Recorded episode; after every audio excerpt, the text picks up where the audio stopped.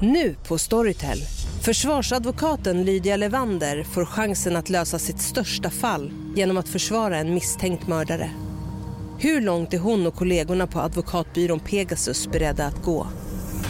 Fallet Mikaela. En ny deckare från succéförfattaren Anna Bågstam. Lyssna nu på Storytel. Hej Sverige! Apoteket finns här för dig och alla du tycker om. Nu hittar du extra bra pris på massor av produkter hos oss. Allt för att du ska må bra. Välkommen till oss på Apoteket. Big Mac har miljarder fans över hela världen. Under mer än 50 år har den skapat popkulturell historia. En legend med 100% nötkött och den mytomspunna såsen. Nu finns Big Mac för bara 39 kronor på McDonalds.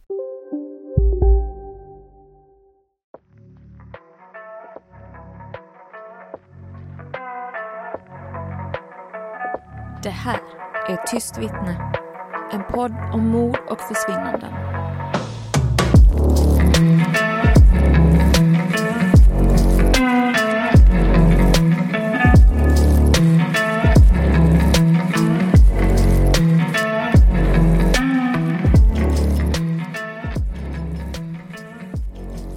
Hej och välkomna till Tyst vittne. Hej. Alex är med och Jajamän. Jenny är med. Maj bland inte av med. Nej, tried. Nej. You didn't try hard enough. Idag ska vi prata om ett fall som är önskat av Sofie. Och Sofie har fått oss att jobba hårt för att god damn vad svårt det var att hitta info om detta. ja. Så att det har tagit en del tid, men det blev bra i slutändan. Så nu jävlar får du vara tacksam. Eh, Och med det sagt. och med det eh, sagt. Är det andra som har idéer Ja. som ni vill att vi ska ta upp här i podden? Fall om mord eller försvinnanden. Så säg till för kolla. We do it. Yes, det var faktiskt jätteroligt. Mm. Inte själva fallet, men att Nej. Sofie önskade det och att vi gjorde det helt enkelt. Och på tal om fallet. Ja. Så vill jag bara skicka ut en varning. Ja, Det är ett jobbigt fall. jättejobbigt. Och det innefattar bland annat eh, förlossning, förlossningsdepression Mm. eh, samt eh, bebisar. Alltså jag vill bara säga det, för jag tycker att man ska ha den Ja. varningen. Så man kan välja, om man till exempel är en nybliven mamma och så vidare, kanske det kan vara ett känsligt Ja, fall. men vi sätter inte igång för att hur är det? Ja, varenda gång du frågar mig det så vill jag säga så, alltså du är så jävla bra, fy fan alltså. Allting bara, woo! Jag är snart där. Mm. Men inte riktigt än. Nej. Så, still struggling a little bit. Ja. Um, men jag känner ändå att jag är på väg åt rätt håll. Bra. Mycket förändringar i livet och det är klart att det påverkar en. Men det börjar stabiliseras. Awesome. Hur är det med dig? Det är som vanligt. Ja? Jag är trött. Ja. jag skulle ha frågat så här istället. Så Jenny, hur trött är du idag? Jag är sju och en halv av tio. Ja, Trött. Eh, men jag mår bra, jag är glad. jag vet. Mm. Det händer något roligt snart. Ja, men du kan kul. inte hålla oss på... Nej, men jag har fått nytt jobb. snart. Jag har fått nytt jobb. Yay! So that's good. Och utan att gå in på vad det är, it's amazing. Jag tror det här jobbet kommer vara så kul och jag önskar att jag hade det jobbet. Okej, let's do it. Let's do it. Megan Huntsman föddes 1975. Hon bodde i Utah. Hon växte upp som mormon. Jag har försökt hitta information om hennes familj, om hon hade syskon. Det, alltså det finns typ ingenting att hitta. Jättesvårt. Så det vi har hittat är ju det vi tar upp idag naturligtvis. Men jag har försökt att hitta mer bakgrundsinformation om henne. Men det kunde jag inte. Anywho, hon träffade sin blivande man, Darren, på högstadiet och de flyttade ihop och gifte sig när de hade gått ut skolan. Och de bodde i Pleasant Grove som ligger strax utanför Utah. Och Megan hade alltid varit en väldigt privat person och väldigt hemlighetsfull och tystlåten. Och då pratar vi extremt privat. Så privat så att ingen visste att hon var gravid med sitt första och andra barn förrän hon skulle föda. Och då var det på nivån att någon ringde en annan familjemedlem och bara eh, “vi måste till sjukhuset, Megan ska föda ett barn”. Första dottern föddes 1993 när Megan var 18 år gammal och andra dottern föddes när Megan var 20 år gammal. Och efter första dotterns födsel så började hennes man Darren använda met Metamfetamin. metamfetamin. Jag har svårt för att säga det. det. Det Metamfetamin. Och efter andra dotterns födsel så började också Megan använda samma drog. Och en bidragande faktor till att Megan började med detta är att hennes pappa begick självmord på grund av att han hade kronisk smärta som han inte orkade leva med. Så nu var då alltså både Darren och Megan beroende och Megan drack även mycket alkohol. För att ha råd med sitt drogmissbruk så fick Darren då idén att han skulle tillverka drogen själv vid sidan om sitt vanliga jobb. Under den här då tidpunkten efter eh, de hade gift sig så fick då Darren och Megan lov av hans föräldrar att bo i ett hus som de ägde. Så där, det var liksom som en present kan man säga. De ägde fortfarande huset men de bara ni kan bo här så att ni kan bilda familj och så vidare. Så det var i detta huset de bodde i. Alltså hans föräldrars Hans hus. föräldrars hus. Ja. Och de fick då sina två barn där. Sen gick åren. 1996 var Megan gravid igen. Det enda var då att ingen visste om det, återigen. Hon födde det här barnet hemma i badkaret utan att någon visste om det. Hur, det vet jag inte. När du säger utan att någon visste om det, hur pass någon menar du? Man, barn, Man, andra? barn, ingen. Ingen. Ingen. Ingen visste att hon var gravid. Ingen visste att hon födde hemma i badkaret. Och efter då hon hade fött den här bebisen så ströp hon bebisen efter några minuter att den hade levt. Och hon svepte in barnet i en tröja och la den i en plastpåse och sen i en flyttkartong i garaget. Och då hon, alltså allt som innebär att föda barn. För det första, det gör ont. Det gör jätteont. Det gör jätteont. Där är vätskor och blod och vem kan göra det i tystnad tänker man. Mm, Det kanske, alltså man kanske behöver sys. Alltså Ja, det finns exakt. en massa Ja, grejer. Alltså ja. navelsträngen ska ju klippas av. Ja, nej, ja, ja, det är ett under att ingen kunde märka detta. Hon la den här lådan i garaget. 1998 födde Megan ännu ett barn medan Darren var på jobbet. Hon kvävde detta barnet, svepte in det i handdukar och någon slags kemikalie som de hade hemma för att Darren då tillverkade droger. Och sen så la hon barnet i en plastpåse och la i en kartong i garaget. Har du hittat någon information om varför hon använde den här kemikalien? Alltså framgår det någonstans Ja, vad? vet du, jag har googlat Ja. det här ämnet utan att få någon jäkla Säpo-varning. Alltså du googlade hemifrån din egen? Jag googlar på min egen dator jag tänkte bara, alltså folk kommer tro, alltså det kommer komma sånt Ding, ding ding, ding, she wants to upplösa människokroppar. Jag tror mig, hela periodiska tavlan kom upp och massa ämnen som jag inte förstod. Och du bara no! Min tanke är att hon gjorde detta för att kemikalien dolde stanken eller löste upp på något sätt kroppen. Ja. Mm. Antingen så har hon ju vetat att det löser upp kroppen. Ja. Eller så har hon trott att det ska lösa upp kroppen. Ja, Eller så har det bara med stanken att göra. exakt. Exakt. Och det finns ingen information heller kring varför behåller hon dem i garaget. Nej, jag vet inte. Det står heller ingenstans. Jag har inte heller hittat någonting Nej. så att jag undrar Nej. liksom om du hade... Nej. Nej. Så detta är nu då den andra lådan som står i garaget. Två år går. År 2000 blir Megan gravid och i den här tidpunkten så har hon slutat med drogerna. Och Darren visste om att hon var gravid denna gången. Han fick reda på det på något Han vis, fick reda på det. Jag tror inte hon berättade det själv, men jag tror han fick reda på det. Så då visste han ju att hon var gravid, så då behöll de det här barnet. Wow. Och det var ju troligtvis endast för att han visste om det. Men flickan föddes frisk. Och detta var då barnets, eller detta var då parets tredje dotter som de har i livet. Ett år senare, 2001, samma sak. 2003 Och 2004, samma sak igen. Lådor i garaget. 2004 hände en annan grej då och då är det att Darren blev tagen av polis med ämnen han hade på sig som används för att tillverka droger. Så det är det han blir tagen för. Och 2005 börjar rättegången. 2005 då samma år så är det samma sak igen. Att Megan blir gravid. Denna gången stryper hon barnet med en hårsnodd. Lägger det i en låda ut i garaget igen. 2006 är rättegången färdig och han döms till nio års fängelse. Det är ett ganska bra straff. Ja, det är det. Jag önskar att vi hade den typen av, eller i alla fall lite mer åt det hållet med våra straff här i Sverige. Precis. Nu bodde de ju då i samma hus som ägdes av hans föräldrar och hon fick lov att bo kvar i huset medan Darren var i fängelse på ett villkor och det var att- hon var tvungen att vara trogen mot Darren medan han satt inne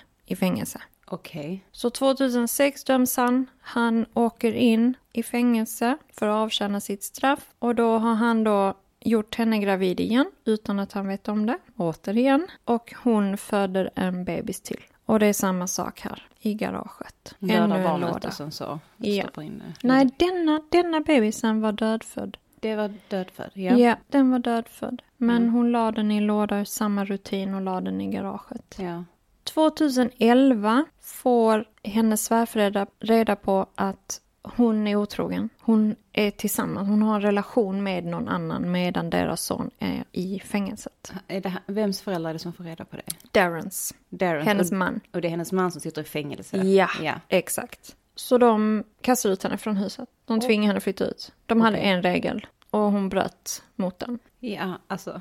Man kan ju kanske inte kräva att någon ska Ja, vara men, trogen i nio år. ja, men då får man ju skilja sig, tänker man. Ja, det får man ju. Ja. Absolut. Det bara så himla gammalmodigt det här tycker jag. Men ja, det Ja, mormor, jag hade va? gjort exakt likadant. Anywho. Jag hade inte gjort så. I alla fall. Ja. Megan flyttade ut och enligt uppgifter så, som skiljer sig åt ska jag säga, så får de här tre döttrarna som hon har tillsammans med Darren bo kvar i huset och då bor de tillsammans med hans faster. Så hon tar hand om barnen medan mamma får flytta ut för de ville att flickorna skulle ha det stabilt och inte behöva flytta från hemmet i alla fall. Så då tänkte de vi kastar ut deras mamma. Först sätter, Ja. Mm. åker pappa in i fängelse. Sen kastar vi ut hennes mamma för att hon har the audacity Mm. att ha ett liv medan han sitter inne i nio år. Och Mm. sen så tycker de att de ska ge barnen en trygg tillvaro genom att sätta en faster i huset. Mm. Bra där. Jag håller ju inte med som ni kanske hör. Ja, det gör jag. De kunde ju låtit mamman bo kvar. Och sen när Ja. han kommer ut så får hon ju flytta Ja. då. 2014. Darren har avtjänat sitt straff. Han får flytta till någon slags slusshem. Ja. Vad heter det? Halfway. Halfway house. Ja. Ja. Eh, där han liksom ska sättas in i samhället igen innan han blir helt eh, släppt. Eller har då avtjänat sitt straff färdigt. Och 2014 släpps han från det här halfway house-grejen. Och han är då tillbaka i det här hemmet som är hans föräldrars. Så tillsammans med sin ena dotter så börjar han rensa i garaget, rensa ut. För han ska då fortsätta sitt liv liksom. Han hittar en låda som luktar ganska illa. Lådan var invirad i tejp. Och Han öppnade den och i en påse låg ett bylte då inrullat i handduk eller tröja. Olika uppgifter säger olika saker. Och inuti då låg ett spädbarn. Han ringde sitt ex Megan och sa vad fan är detta? Jag har precis hittat detta i garaget. Ja. What the actual fuck is going on? Och då säger hon att detta barnet födde jag 2006 när du hade åkt in och det var dödfött. Han ringde även polisen och sa att detta gjorde jag, jag hittade det här, alltså hjälp. Ja. Han var jätteupprörd naturligtvis. Polisen kommer dit, gör en husrannsakan och hittar alltså sex stycken döda spädbarn till. Så sju bebisar har de hittat i olika lådor i garaget. Och de hade då förvarats på alla, på, på samma sätt som alla de andra. Och Megan bodde då under denna tiden i West Valley, också i Utah. Polisen åkte dit då dagen efter och bad henne följa med dem till Pleasant Grove och eh, de tog in henne till eh, polisstationen och ville förhöra henne och hon blev uppläst då sina rättigheter, Miranda rights som det heter i USA. Men hon bara avsade sig dem. Hon bara, ja, strunt samma, jag ska berätta allt. För hon har ju rätt att vara tyst och inte säga någonting. Det hon säger kan användas mot henne. Men hon brydde sig inte. Hon bara, jag berättar. Så under den här tioårsperioden så födde hon då minst sju bebisar varav den ena var dödfödd och de andra sex stycken ströp hon eller då kvävde. Megan var 33 år gammal när hon greps för de sju döda spädbarnen som låg i huset. Så hon har egentligen gått igenom minst Tio. tio förlossningar Ja. innan hon har fyllt 33. Ja. Ja. Megan har själv sagt att hon var så långt nere i sitt drogberoende att hon inte hade råd att behålla bebisarna. Hon behövde då pengarna till sina droger Precis. och alkohol. Ja, missbruk är en hemsk sjukdom. Ja, dessutom då måste vi tillägga att i Utah så finns det sedan 2001 en lag som lyder då att föder du ett barn och inte kan ta hand om det kan du lämna det på närmsta sjukhus utan att bli ifrågasatt eller utan rättsliga påföljder alls. Så det fanns många chanser och möjligheter för henne att låta de här barnen leva men hon tog livet av dem allihopa. Ja, hon kunde ju ha valt att åka och lämna dem där men jag antar att det var en för stor risk för henne. Ja, hon vill, hon vill ju inte bli påkommen. Det, var, verkar ju vara, det verkar ju lite grann som att det absolut viktigaste här är att inte bli påkommen. ja precis. Och då är det enklare. Så man kan tänka då, efter varje av de här förlossningarna så har hon alltså städat upp allt som blir efter en förlossning. Alltså det är blod och jag vet inte allt. Och sen så då lyckats förpacka de här stackars barnen och lägga dem i lådor i garaget. Det är helt otroligt. Alltså det är ju helt otroligt bara man hör det en gång. Ja. Ja. Detta är sex gånger. Och egentligen, nu det sjunde barnet var ju dödfött. Så Mm. att hon dödade inte det barnet, men hon hanterade Mm. barnet på ett liknande sätt Mm. efteråt. Och då kan man tänka att ingen visste det här. Grannarna då blev ju intervjuade efter det här av både polis och nyhets, Nyhetskanaler. nyhetskanaler. De förklarade henne då som, hon var ju privat, men hon var alltid trevlig. Hon har till och med passat andras barn på gatan, andras barnbarn också. Hon har varit barnvakt åt dem och en av grannarnas barnbarn följde med då den här familjen till Disneyland. Så hon hade ett ansvar för andra barn. Alltså tänk det här i efterhand och veta vad hon har gjort. Jag tänker på den för, var föräldrar till de här barnen som hon har eh, passat. Ja. Tagit med till Disneyland. Ja, fy fan alltså. En av dem sa att Megan pendlade i vikt men de visste inte att hon var gravid. Och det kan man undra hur man inte kan se det. Men vi måste tänka på att hon har ju varit gravid konstant under de här åren. Ja. Så det är egentligen ingen drastisk förändring för att hon är ju gravid förlöser, gravid förlöser under tio år. Så det är det enda stadiet de har sett henne i kan man säga. Och döttrarna sa att hon har varit världens bästa mamma och det har liksom inte varit någonting som vi har saknat. Men det kan man också ifrågasätta lite. Vi vet ju inte för vi var inte där. Men de har ju vuxit upp i ett hem med två beroende föräldrar. Och ett metamfetaminlabb. Ja, exakt. Så det, ja, som sagt, Men vi man vet, vet, inte. ju inte mer än vad man vet. Många tror ju att eh, Mm. monster, alltså människor som begår grova, fruktansvärt hemska brott, Ja. ska se ut som mons- monster. Mm. Att vi ska kunna känna igen dem och veta vilka de är när vi ser dem. Ja. Men det gör vi inte, utan det är vanliga människor. Och de här människorna de kan vara snälla, Mm. de kan vara kreativa, Mm. de, kan ha, de kan vara vackra. De kan ha massa egenskaper som vi inte egentligen associerar till monster. Men de kan fortfarande vara ett monster. Mm. Så man kan ta hand om de tre barnen som man lät leva. Man kan ändå mörda ba- små bebisar trots Så det. sjukt. Det är sjukt. Men vi går vidare. Eh, Megan greps den 14 april 2014 för sex fall av mord. Och i USA så heter det murder of first degree. Och det är ungefär att likställa som eh, mord i Sverige. Och i Sverige kan en person dömas för mord om den personen avsiktligt dödat en annan person. Och dråp, för det är ofta diskussioner kring mord och dråp. Och dråp döms man för om rätten anser att det finns omständigheter just det här individuella fallet som gör att det ska anses som mindre grovt än mord. Mm. Och det är i Sverige. Men i USA så var hon alltså gripen för murder of first degree i sex olika fall. Den sjunde bebisen ansåg man vara dödfödd. Ja, och det fick de reda på när de gjorde obduktion. Under förhandlingen sa åklagaren att det råder inga tvivel om att Megans handlingar var noggrant planerade och att hon hade för avsikt att döda var och ett av de sex barnen. För att sedan gömma liken, undanröja alla bevis så att hennes familj inte skulle märka någonting. Och här tänker jag att åklagaren uppfyller ju ja, men de rekvisiter som krävs för mord. Alltså upp, uppfyller vad som krävs för att kunna åtala någon för mord, gå till rätten för mord. Sen måste ju åklagaren även bevisa att det är så det har gått till. Hennes avsikt var att döda barnen. Hon planerade det. Hon plastade in kropparna eller virade in dem i eh, tyger, gömde dem för att de inte skulle hittas. Och minst ett av de här sex barnen, precis som du nämnde precis Jenny, hade ju någon form av ke- kemikalie på sig som luktade av jod. Efter det här alltså har hon dessutom sedan då undanröjt alla andra bevis. Framförallt då bevis på att hon faktiskt har förlöst, eh, förlöst ett barn. Och allt detta gjorde hon för att kunna komma undan med sina brott. Och då måste man någonstans ändå ha varit vid sina sinnesfulla bruk. Det är ganska så många steg hon har Exakt. tagit Ja. för att eh, komma undan. Och det är ju svårt att göra detta om man då lider av någon form av psykisk sjukdom eller ohälsa. Hon har dessutom inte gjort detta en gång, utan sex gånger. Det är ju det som gör det här så makabert på något vis. Eftersom hon dolde alla de här sex graviditeterna så tänker jag ju så här, att redan när hon blev gravid bestämde hon sig för att döda barnet. Ja. För varför dölja det? Ja. För det här tredje barnet som du pratar om, som hon bestämde sig för att behålla, det låter så fel att säga Mm. det, men som fick överleva.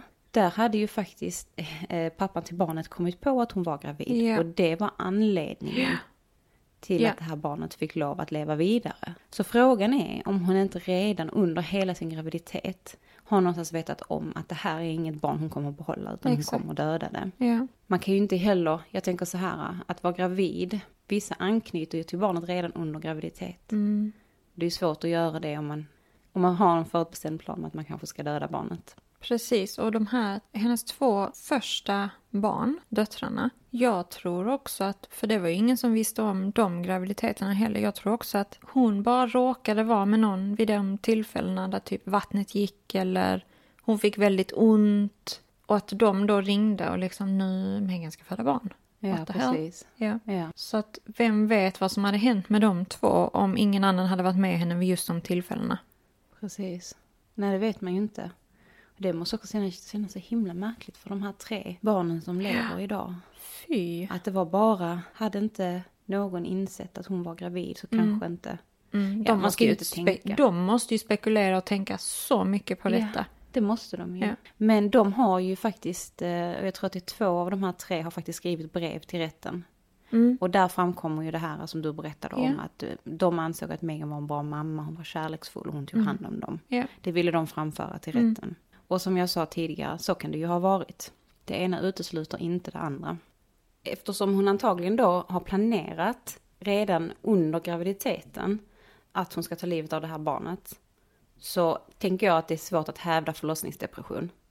Ja, Jag, jag tänker det, men Mm. samtidigt, det är inte mitt expertisområde. Så jag ska egentligen inte uttala mig på det sättet om det, men du kommer göra det ändå. jag kommer göra det ändå. Jag tänker, och, det, är så här, och, och ni får rätta mig om jag har fel, om det är någon där ute som lyssnar som kan det här.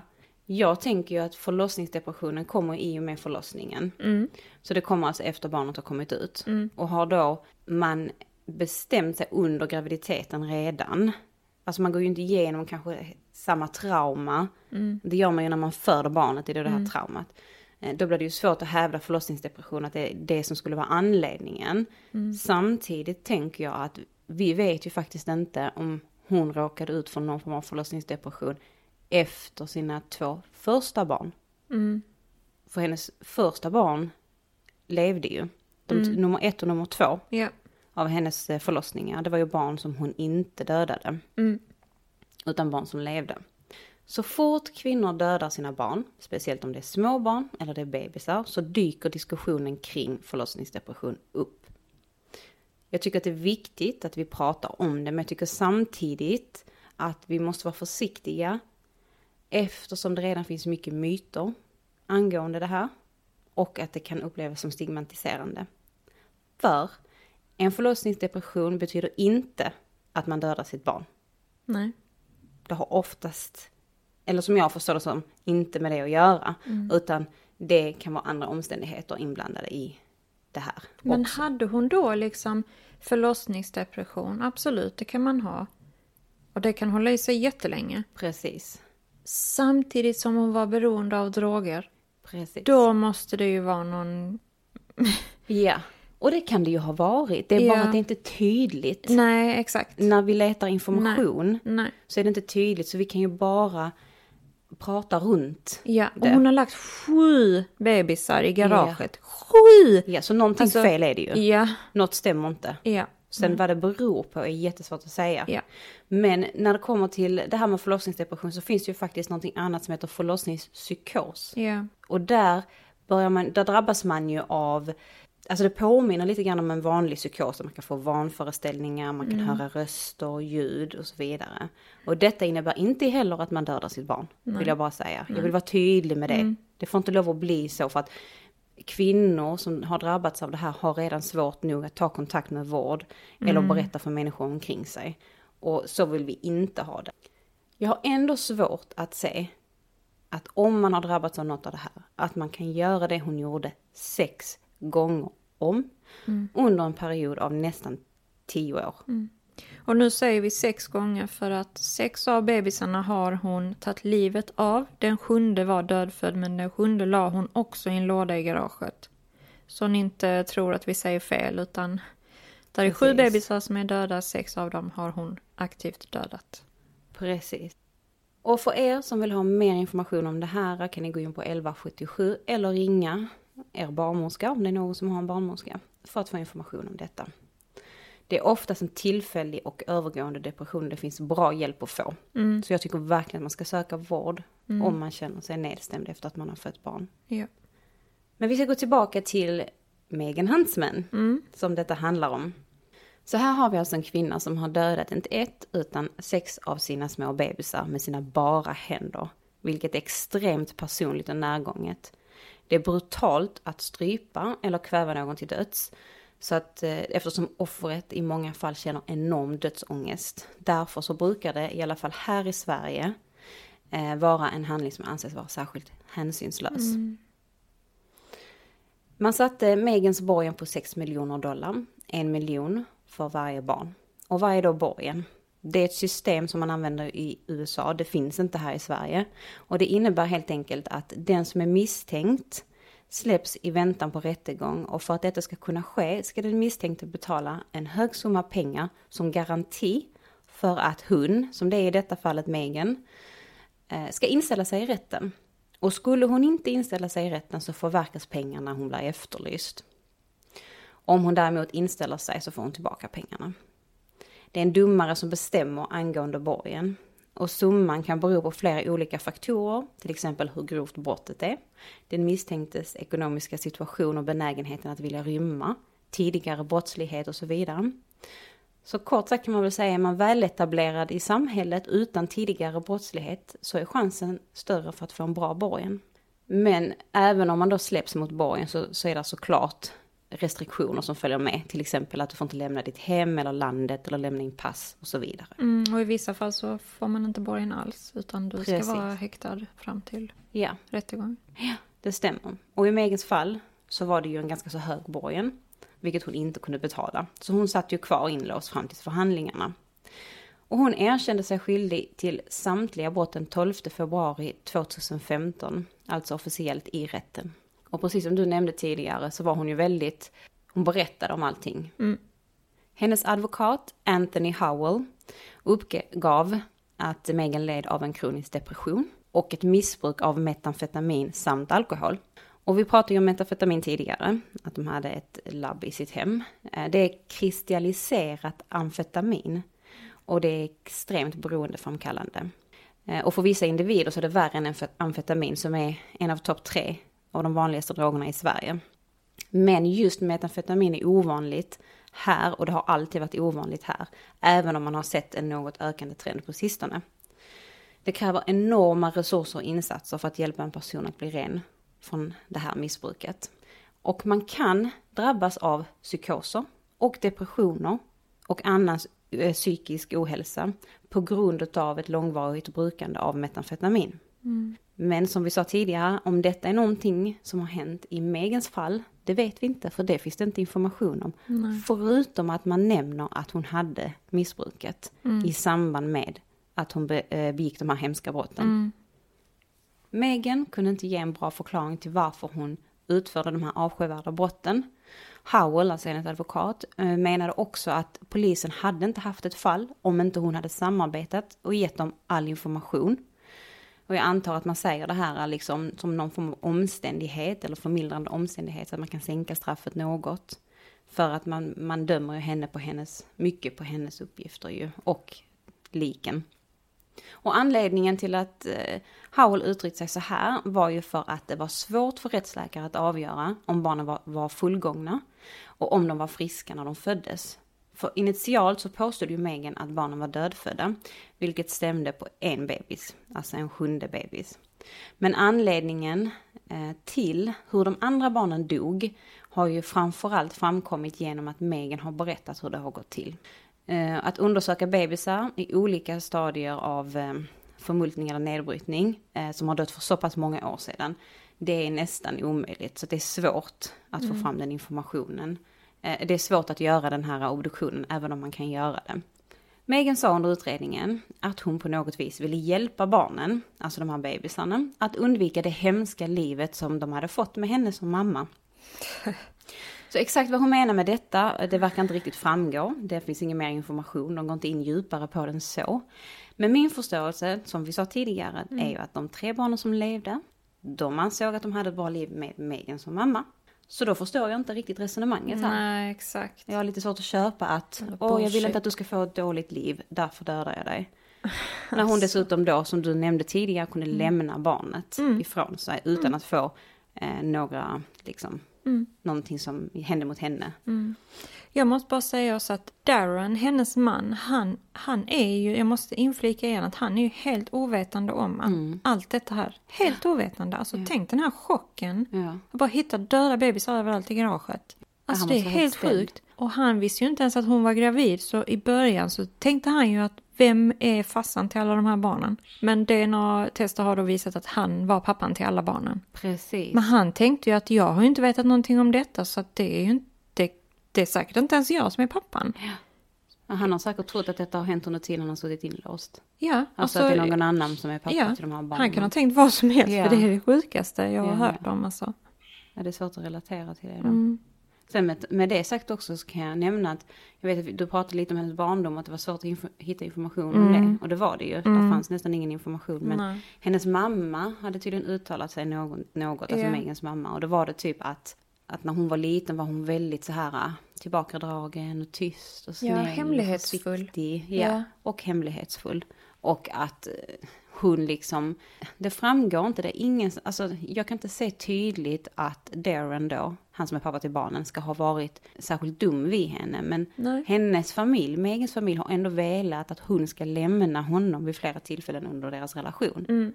Men det Så. kan vara olika anledningar, alltså till exempel, Absolut. det kan vara Alltså det kan vara att de tjafsar mycket eller att du har ett jävla droglabb hemma liksom. Ja, precis. Den lilla detaljen. Ja, så att, men det är ju samma sak fortfarande här. Så himla lite information så vi kan bara spekulera. Ja. Megan dömdes för sex fall av mord och hon dömdes till fängelse, allt från fem år upp till livstidsfängelse för var och ett av de sex olika brotten. Hon kommer att avtjäna minst 49 år och har möjlighet till villkorlig frigivning tidigast 2064 när hon är 89 år gammal. Däremot så tror inte åklagaren att hon någonsin kommer att släppas fri. Och det här var den informationen som vi egentligen kunde hitta mm. i det här fallet. Mm. Det var ett väldigt eh, intressant fall att gå mm. igenom. Mm. Jag är flabbergasted att ja. det inte finns fler, mer information om det. Ja. Samt att det ens har hänt, alltså det är helt sjukt. Ja. Så jävla ja. hemskt. Hur kan man liksom leva vidare med sig själv? Du har gjort det en gång. Mår du inte så fruktansvärt dåligt då Jo. efter det? Hur gör du det en gång till och en gång till och en gång till och en gång till? Absolut, och jag tror någonstans att när du har gjort det den här första gången, Ja. alltså jag vet ju inte, men när du har gjort det den här första gången du blir gravid igen, för, för att när du väl har gjort det så är det gjort, samvetet är redan belastat. Ja. Förstår du? Ja. Och så har hon ju metamfetaminet. Mm. Som gör att hon klar, kanske orkar leva vidare. För någonstans, oavsett hur hemskt det här är, så har jag fått känslan av att hon har gett, mår, mår dåligt över att hon har gjort så här. Ju. Det är Ja. ju därför hon vill prata och berätta Ja. allt Mm. också dessutom. Mm. För hon vill lätta sitt samvete. Men metamfetaminet, alltså och många andra droger, det är det som gör egentligen att man kan leva med fruktansvärda saker, både som man har Ja. gjort eller varit utsatt för. Ja. Så är det ju. Precis. Och det är så fruktansvärt hemskt egentligen. Ja. Så, men varför hon faktiskt har gjort det, alltså va, vad som gjorde att hon kunde göra så här, alltså det vet vi inte. Jag Nej. känner inte att jag har fått svar på den frågan. Nej, jag tror inte vi kommer få det heller. Nej. Utan det finns omständigheter i hennes liv som skulle kunna påverka henne till att göra vissa saker. Mm. Men just att, att liksom ta livet av barnet, jag vet inte varför hon valde det och på det grymma sättet som hon gjorde. Så det var i alla fall fem flickor Mm. och två pojkar. Ja. Precis. Har ni åsikter, tankar och funderingar, gå in på våra sociala medier. Tyst vittnedepodd på Facebook och Tyst vittnedepodd på Instagram. Lämna gärna en liten kommentar om ni undrar någonting. Eller ni kanske tycker något annat än vad vi tycker. Mm. Och glöm inte att lämna fem stjärnor där ni lyssnar på podden om ni nu tycker att vi är bra. Tack för idag. Ta hand om er. Ta hand om er. Toodles. Toodles. Och nu klipper han gräset. Varför klipper han gräset? Det kan han ju inte göra. Men alltså han Kasta kan inte den. göra färdigt det. Alltså han har klippt den typ 629 gånger på en vecka. Alltså jag flippar, alltså ingen jag vet inte om det är han. Jag tycker fortfarande är så. jag med. Motherfucker. Idiot. Mother idiot. Another. Han behöver typ hjälp. De behöver flytta. Faktiskt. Move bitch. Så att jag kan flytta in istället. Exakt. Okej. Så vi fortsätter här med det här fruktansvärda fallet. Ja. Jag ska komma in i rätt mode. Du bara. Let's continue. Oh, fuck. Vad fan hände där?